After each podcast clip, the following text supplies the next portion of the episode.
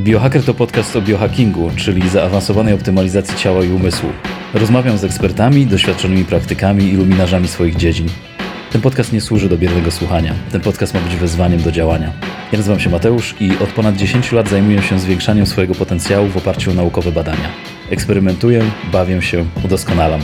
Jeśli chcesz dowiedzieć się, w jaki sposób zaprogramować swoje ciało i system codziennych ulepszeń, to zapraszam Cię przed głośniki.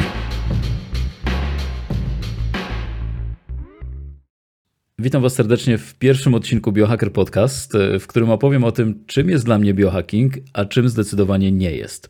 Porozmawiamy sobie o właściwym modelu mentalnym w filozofii biohackingu oraz zastanowimy się nad kierunkiem, w którym ten młody nurt optymalizacji zdrowia zmierza.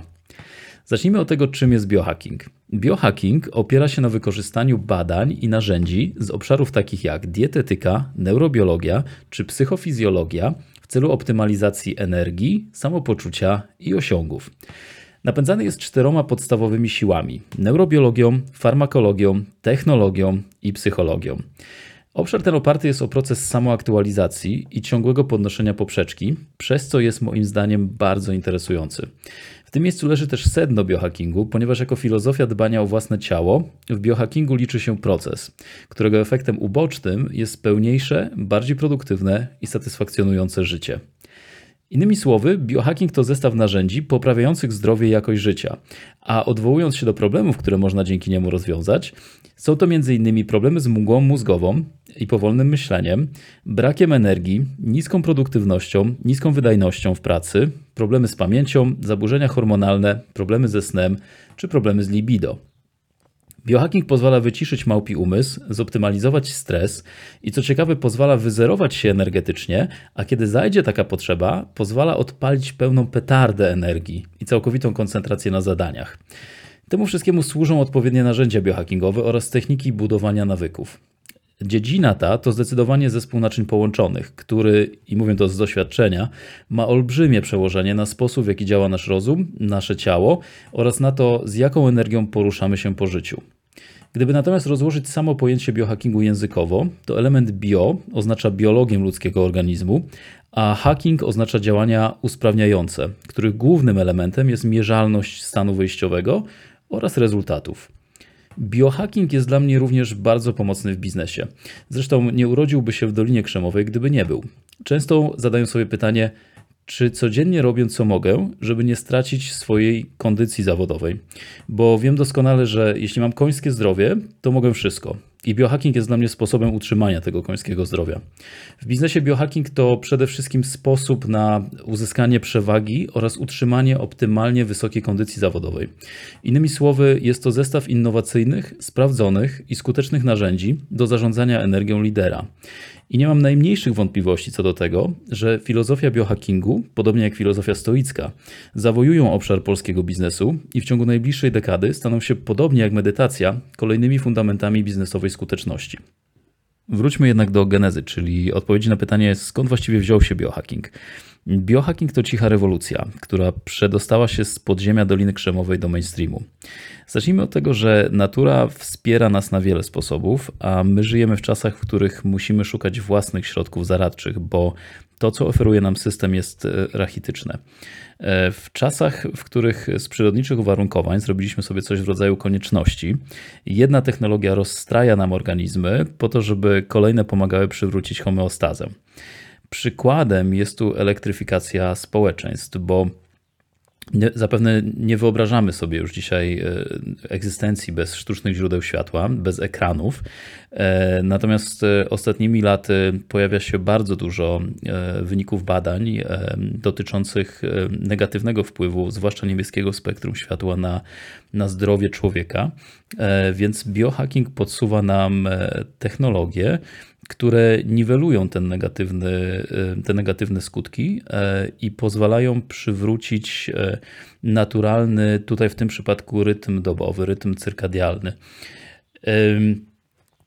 W mojej ocenie e, geneza biohackingu tkwi w przede wszystkim w rozczarowaniu wiedzą przekazywaną oficjalnymi kanałami. Bo na przykład e, wiemy, że oficjalna piramida żywieniowa staje się coraz silniej dewaluowana. Właściwie to dzisiejsze zalecenia IŻEDŻET-u, Instytutu Żywności i Żywienia, a zalecenia specjalistów z Doliny Krzemowej to tak na dobrą sprawę stawianie piramidy żywieniowej na jej czubku, odwracanie jej do góry nogami.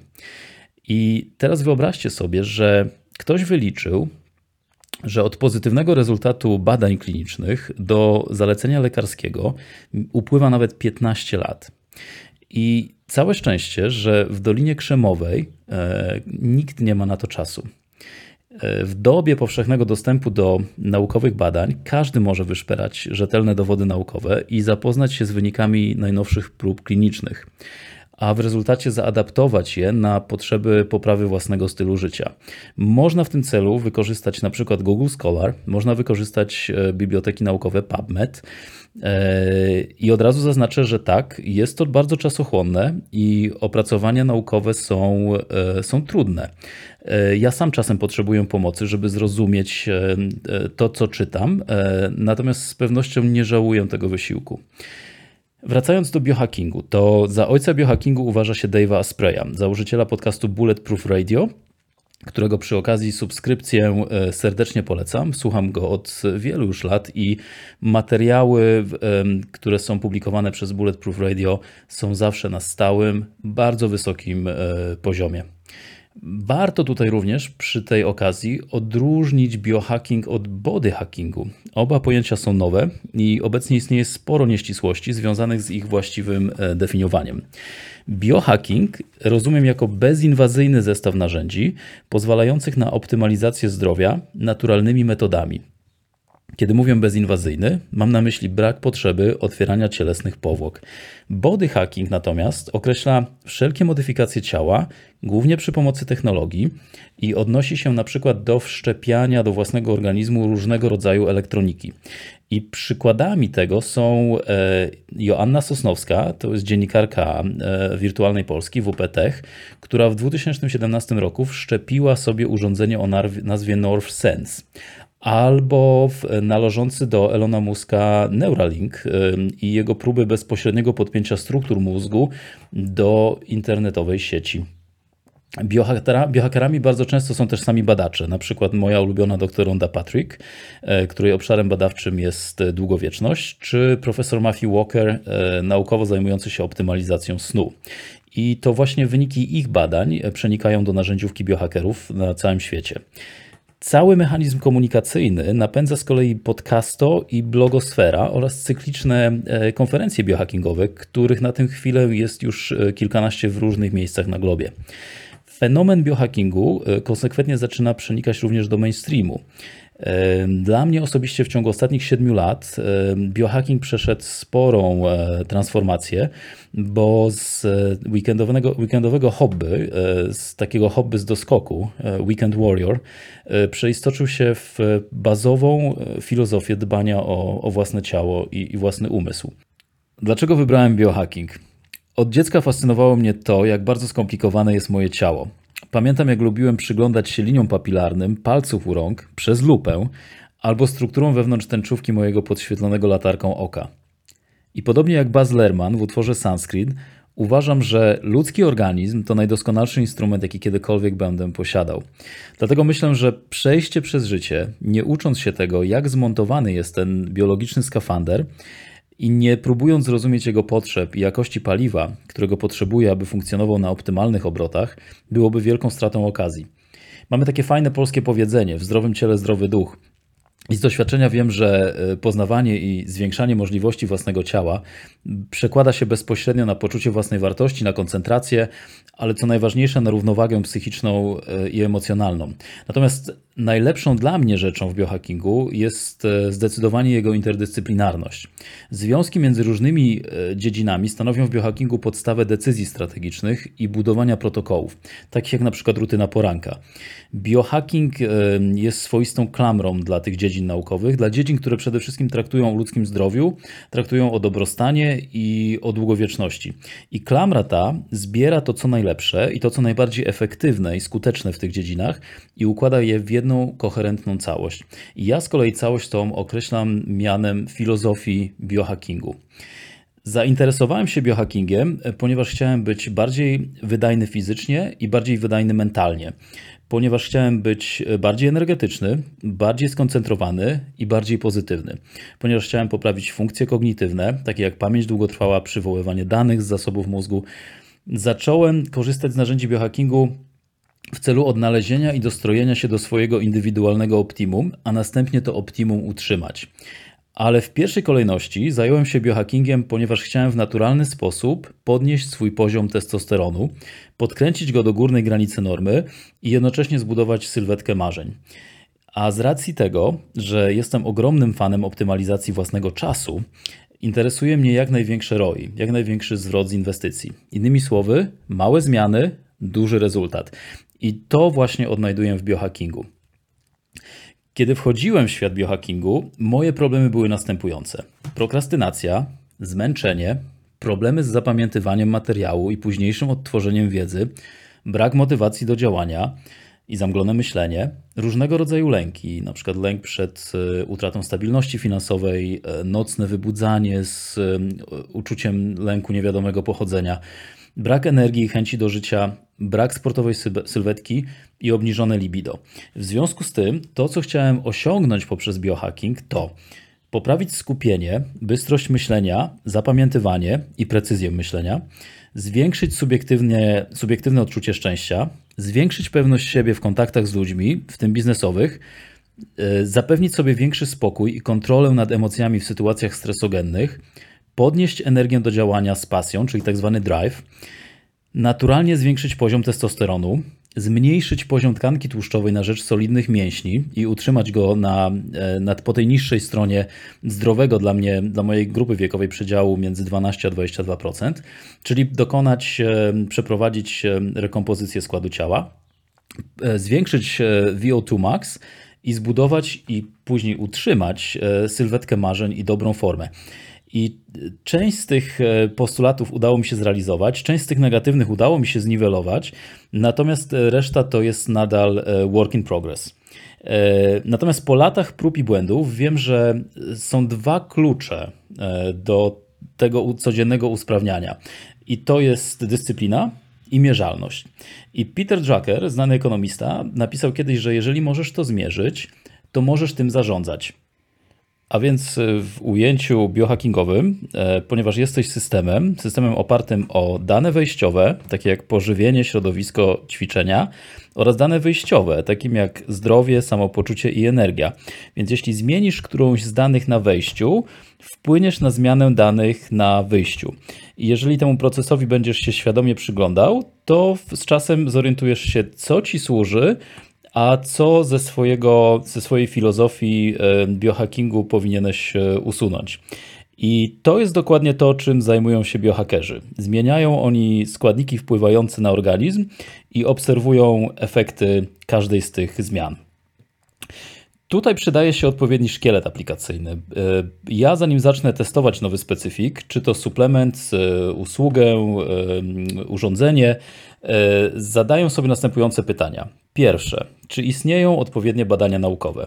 Czyli na przykład, czy są to badania na gryzoniach, czy być może są to obszerne metaanalizy, czyli badania przeglądowe wielu innych badań, badań skupionych wokół e, podobnie postawionej tezy.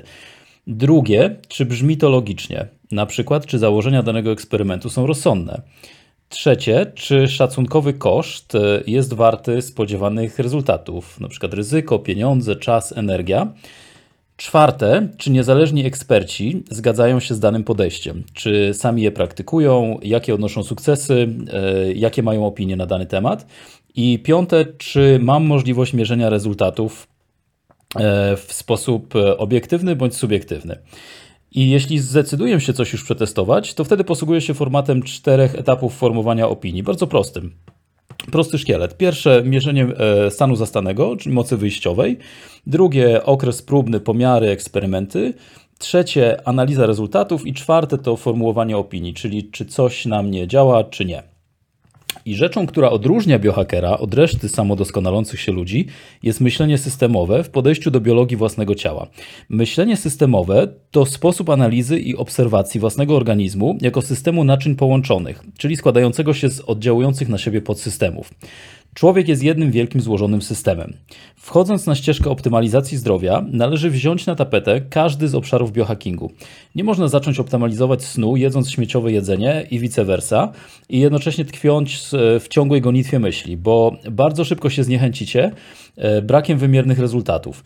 E, często mnie pytacie, czy te wszystkie mierniki, opaski, zegarki, aplikacje, czy to ma sens? I moja odpowiedź jest twierdząca, zwłaszcza na początku przygody z biohackingiem. E, wiemy już, Peter Drucker, że jeżeli możemy coś zmierzyć, to możemy to usprawnić.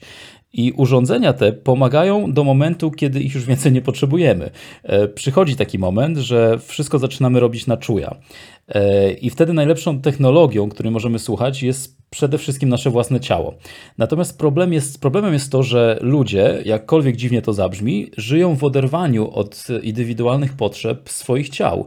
Dlatego te urządzenia do mierzenia postępów e, dają nam bardzo cenne informacje zwrotne, dzięki którym możemy wprowadzać praktyczne zmiany do rutyny do momentu, aż osiągniemy na przykład e, maksymalną jakość snu, maksymalną jakość relaksacji autonomicznego układu nerwowego, e, rekuperacji energii itd. Tak Więc jeśli masz na przykład problemy z jakością snu, z, czy to z zasypianiem, czy z jego ciągłością, czy mm, rzecz bardzo ważna z głębokością, z długością, z e, odczuwalną regeneracją o poranku, to te mierniki, e, na przykład Polar, zegarek czy opaska w kształcie zegarka Polar Ignite, pomogą Ci dostrzec pewne wzorce, które to z kolei pozwolą Ci wprowadzić odpowiednie usprawnienia. I żeby zobrazować to na przykładzie, jeśli zjadłem coś na krócej niż 3 godziny przed snem, Miało to ogromny wpływ na jakość mojego snu i kiedy zobaczę to trzeci, piąty, dziesiąty raz, to zakoduję sobie tę informację na tyle mocno, że przeniosę jej egzekwowanie do nieświadomości, więc będę automatycznie już unikał e, jedzenia przed snem, czyli wyrobię w sobie na podstawie pomiarów właściwy wzorzec e, e, i już później na automacie będę wiedział, czego unikać, a co stosować. Natomiast to oczywiście zajmuje trochę czasu. To nie jest, e, to nie jest coś, co można sobie w sobie wbudować z poniedziałku na wtorek. Natomiast po tygodniach, miesiącach, czasami latach takiej optymalizacji czy zabawy w optymalizację, pewne rzeczy stają się nawykowe i już nie myślimy później o ilości czasu, którą poświęcamy na to, żeby, żeby pamiętać o, o, o, o elementach naszej, naszej rutyny, czy o, o rzeczach, których należy unikać, żeby mieć, e, czy żeby zachować prawidłową higienę snu. Kolejnym z kluczy do sukcesu w optymalizacji jest higiena umysłu, czyli w tym przypadku właściwy model mentalny w filozofii biohackingu. E, wspomnę w tym miejscu jeszcze o rzeczy dla mnie najważniejszej, a mianowicie tak zwanej adaptacji metodą małych kroków. E, innymi słowy, jeden biohack naraz. Życie byłoby nudne, gdybyśmy wszyscy przestrzegali tych samych e, narzuconych z góry zasad, a więc e, z narzędziówki biohackingu moim zdaniem powinno się wybrać to, co nam najbardziej odpowiada, albo to, co według nas jest nam najbardziej e, potrzebne na dany moment. I należy przy tym pamiętać o adaptacyjnej metodzie małych kroczków, czyli o korekcji kursu o jeden stopień naraz. Przyda się w tym dyscyplina, e, która jak mawia Joko Wilnik e, jest twoim przyjacielem. Zresztą posłuchajcie, znalazłem jego doskonałą moim zdaniem wypowiedź na temat tego, czym jest dyscyplina. E, ja ją już prawie znam na pamięć. Jest w wersji angielskiej, w, oryginale znajdziecie ją na YouTubie. What does discipline really mean? You know, besides waking up early and how do I employ it to all aspects of my life? What does it really mean? Yes, discipline it, it it does start with waking up early. It really does. But that is just the beginning. And I always say that discipline is the root of all good qualities. But you have to absolutely apply it to things outside of just waking up early. It's it's everything. It's working out every day, making yourself stronger and faster and more flexible, and healthier.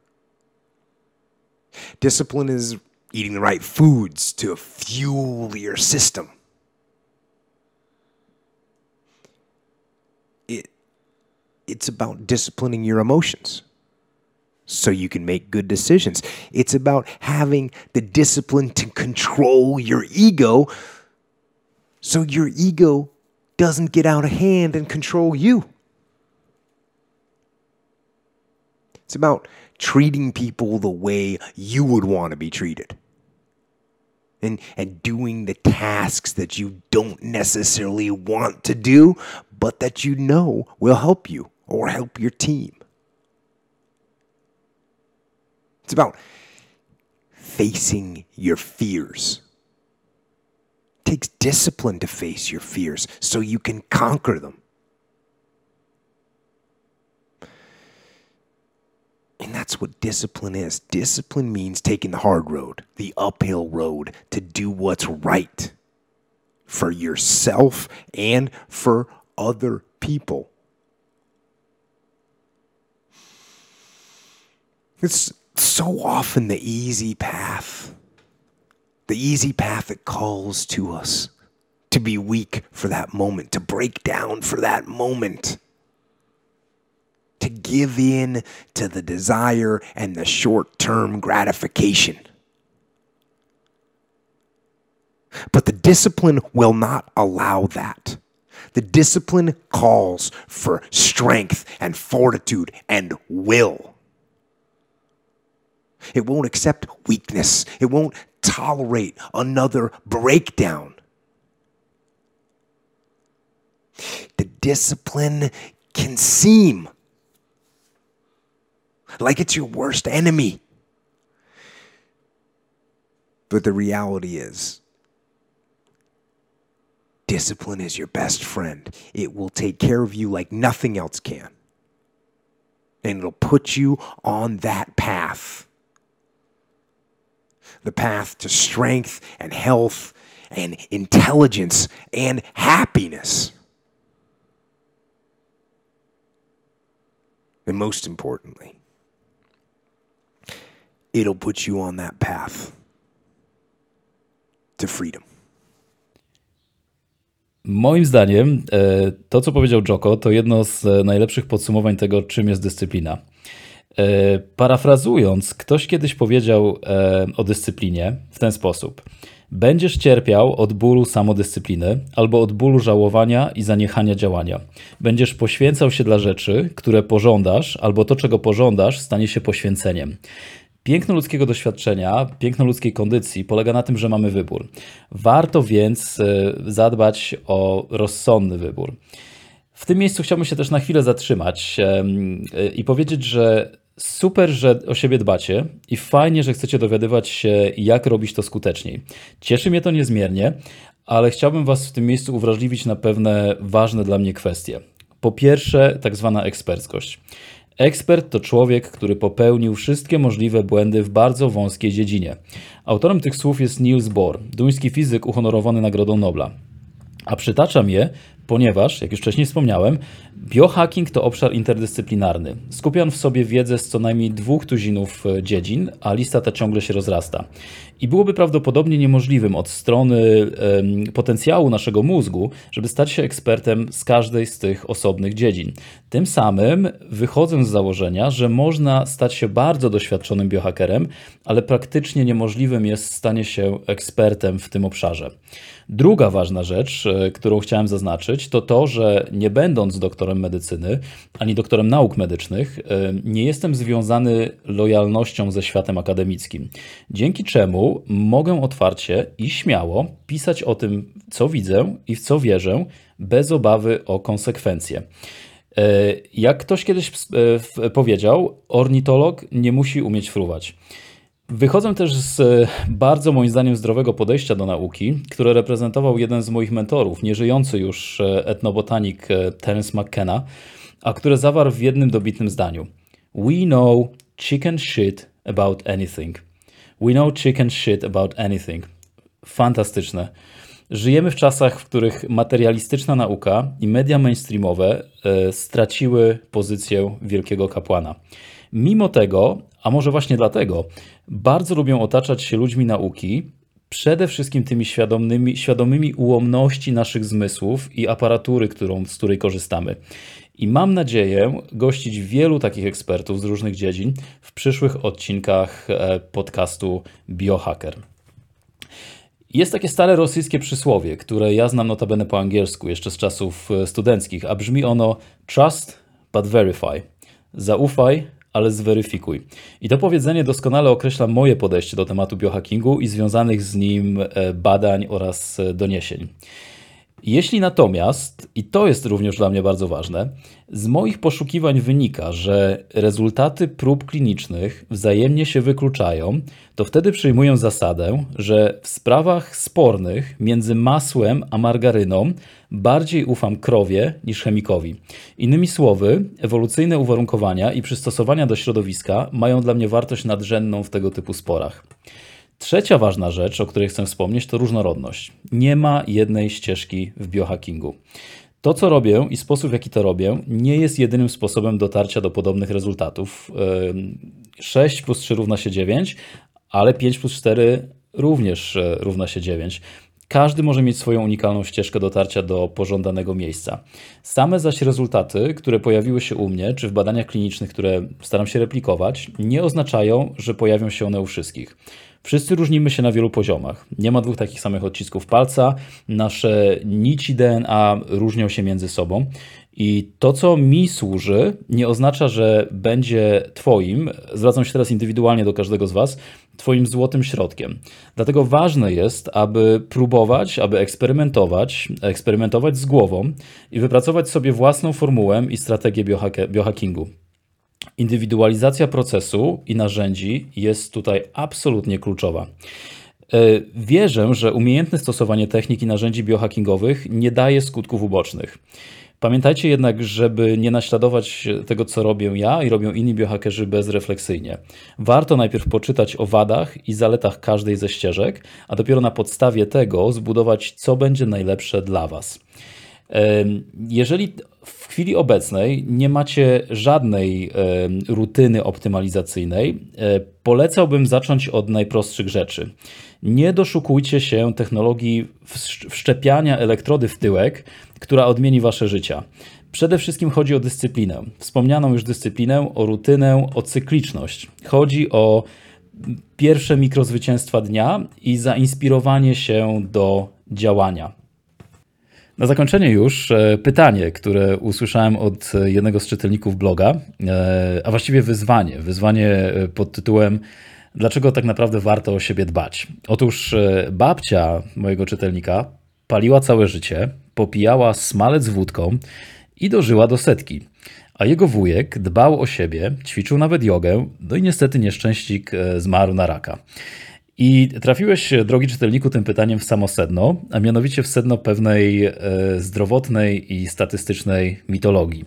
Otóż w tych wstrząsających teoriach zawiera się cała prawda o nas, o ludziach, bo mamy tutaj dwa ciekawe dowody anegdotyczne, które mogą być prawdziwe, ale żadnego z nich nie sposób przełożyć na populację. O co chodzi? Chodzi o zwrócenie uwagi na to, co jest dla nas atrakcyjniejsze, ponieważ o wiele atrakcyjniejsza jest wizja życia, w którym można byłoby robić wszystko, co się chce, hulaj dusza, piekła nie ma, i dożyć do setki. O wiele mniej atrakcyjne są dobre nawyki związane ze zdrowym trybem życia, które często są trudne i dla wielu ludzi są po prostu nudne. Chcemy wierzyć w to, co słyszymy, uważać, że tak jest, bo jest to zgodne z naszymi przekonaniami, pragnieniami i motywacjami. Stety, niestety, statystyki mówią jednak co innego. To, że ktoś palił do setki, nie oznacza, że palenie jest zdrowe. Oznacza, że ta osoba miała szczęście, że nic się jej nie stało. Podobnie jak ktoś, kto nie zapiął pasów, a jako jedyny pasażer przeżył wypadek. Oczywiście do statystyk i korelacji należy podchodzić z należytą ostrożnością, pamiętając, że korelacja nie oznacza przyczynowości, a jak pisał w jednym z felietonów Stanisław Tym, był swego czasu pewien profesor statystyki, który zasłynął tym, że utopił się w jeziorku, które statystycznie miało 20 cm głębokości. Ilość zmiennych, na które należy zwracać uwagę, aby nie wdepnąć na minę, jest bardzo duża. Ale z radością przyznaję, że z miesiąca na miesiąc coraz sprawniej się po tym polu minowym poruszam. Podsumowując, to, co chcę, żebyście zapamiętali z tego odcinka, to to, żeby odpowiedzialnie bawić się dostępnymi w biohackingu narzędziami. Każdy może stać się królikiem doświadczalnym i testować na sobie nowinki ze świata produktów i usług health and wellness. Odpowiednie narzędzia biohackerskie pozwalają zwiększyć długość głębokiego snu, naturalnie wyregulować hormony, przywrócić homeostazę organizmu, zlikwidować mgłę mózgową, e, usprawnić bystrość myślenia, zwiększyć libido, e, poprawić apetyt na seks oraz utrzymać wysoki poziom energii do działania. Bardzo ważna jest wspomniana już przeze mnie filozofia stoicka, którą również praktykuję. Stoicyzm dba o moją głowę, a biohacking o moje ciało. Od kilku lat czuję się kompletny i serdecznie polecam ten stan każdemu z Was, bo to naprawdę dobre miejsce, w którym może znaleźć się człowiek. A więc jeśli chcecie więcej energii, chcecie zachować świetną formę i polepszyć pamięć, chcecie się bardziej skupiać na zadaniach oraz chcecie zoptymalizować swoją wydajność w biznesie, sporcie i łóżku, to biohacking jest dla Was. Obszary, które będą omawiane w kolejnych odcinkach to zarządzanie energią, także lidera w biznesie, kognicja, sen, detoks, hormony, mitochondria, długowieczność, immunologia, mikrobiom, regeneracja i wiele, wiele innych. Temat jest bardzo obszerny i myślę, że jeżeli nie znudził mi się przez ostatnie 10 lat, to już prawdopodobnie nigdy mi się nie znudzi. Jeśli jesteście na początku swojej przygody z biohackingiem, to kliknijcie w odnośnik Zacznij tutaj, który znajdziecie u góry na stronie biohacker.pl. E, znajdują się tam najważniejsze artykuły wprowadzające krok po kroku w świat biohackingu. I jednocześnie warto pamiętać o metodzie adaptacyjnej małych kroków i efekcie kumulacyjnym. Nic nie dzieje się z niedzieli na poniedziałek. Na zakończenie pierwszego odcinka chciałem Wam serdecznie podziękować za feedback, e, który wzmacnia mnie w moich staraniach.